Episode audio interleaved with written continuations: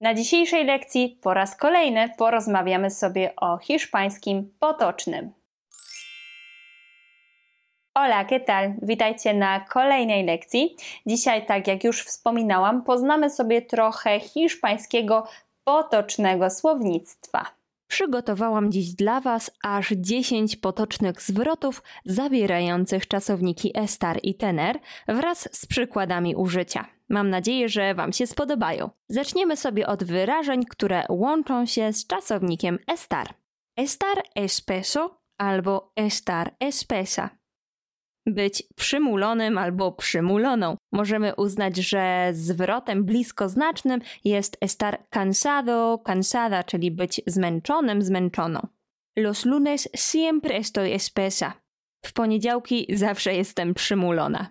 Jeśli mowa o zmęczeniu, warto także przyswoić sobie zwrot estar frito albo estar frita, jeżeli chcemy użyć tego w rodzaju żeńskim, co oznacza być śpiącym, śpiącą albo bardziej padniętym, padniętą. Coś w stylu tener sueño, czyli chcieć się spać. Przykład. Estoy frita después de todo el día. Necesito descansar. Jestem padnięta po całym dniu. Potrzebuję odpocząć. Estar verde en algo. Być w czymś zielonym, niedojrzałym, Innymi słowy, ser inmaduro, czyli dokładnie być niedojrzałym. Ese futbolista aún es joven, está verde, necesita entrenar más. Ten piłkarz jest jeszcze młody, jest totalnie zielony, potrzebuje więcej trenować. Estar en el quinto pino, być bardzo daleko, być na odludziu. Po hiszpańsku możemy powiedzieć też to innymi słowami, na przykład estar muy muy lejos, czyli dokładnie być bardzo bardzo daleko. Mis vecinos se mudaron y se fueron a vivir al quinto pino. Los echo de menos. Moi sąsiedzi wyprowadzili się na odludzie. Tęsknię za nimi. I ostatni zwrot z Estar, który na pewno znacie, jeśli tylko obserwujecie mój Instagram. Tam niedawno już o nim wspominałam.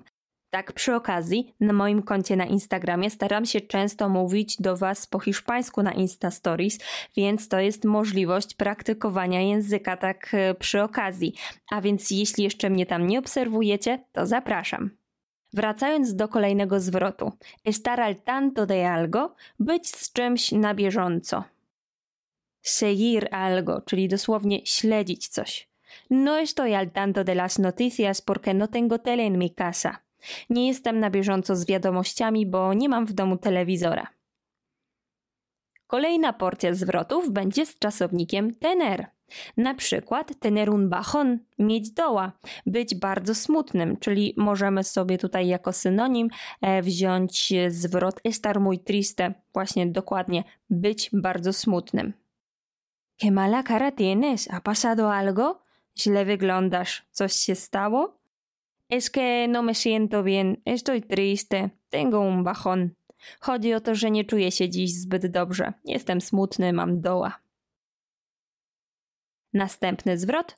Tener mucha labia. Mieć dobrą gadkę, mieć gadane. Claudia tiene mucha labia. Claudia to ma gadane.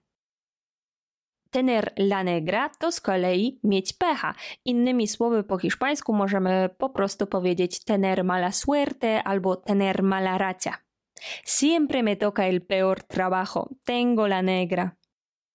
Zawsze mi przypada najgorsza robota. Mam pecha. Następne wyrażenie to tener de todo. Mieć wszystkiego pod dostatkiem. En nuestra casa nueva tenemos de todo. W naszym nowym domu mamy wszystkiego pod dostatkiem. I ostatni zwrot z tener to tener el guapo subido, czyli ładnie wyglądać, ładniej niż zwykle. Wyjaśnienie po hiszpańsku to estar más guapo o guapa de lo habitual. I używamy tego zarówno do kobiet, jak i do mężczyzn, tylko uwaga, nie zmieniamy tutaj rodzajnika. Zawsze będzie el, niezależnie czy mówimy do kobiety, czy do mężczyzny. Hoy tienes el guapo subido, Claudia. Przepięknie dziś wyglądasz, Klaudia.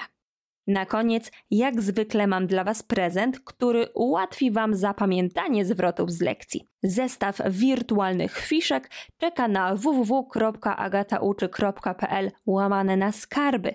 Hasło do tej strony, na której znajdziecie dużo innych materiałów do nauki, nie tylko zestaw fiszek z tej lekcji. E, hasło do tej strony posiadają tylko osoby zapisane na mój newsletter. Zapisać może się każdy, dlatego jeśli jeszcze Was tam nie ma, link zostawiam w opisie. Dzięki za oglądanie. Na koniec mam jeszcze dla Ciebie informację. Jeżeli jesteś dopiero początkujący i chciałbyś uczyć się ze mną hiszpańskiego, zerknij na stronę agatauczy.pl łamane na hiszpański start. Tam znajdziesz szczegóły na temat mojego wideokursu od zupełnych podstaw. Hasta luego!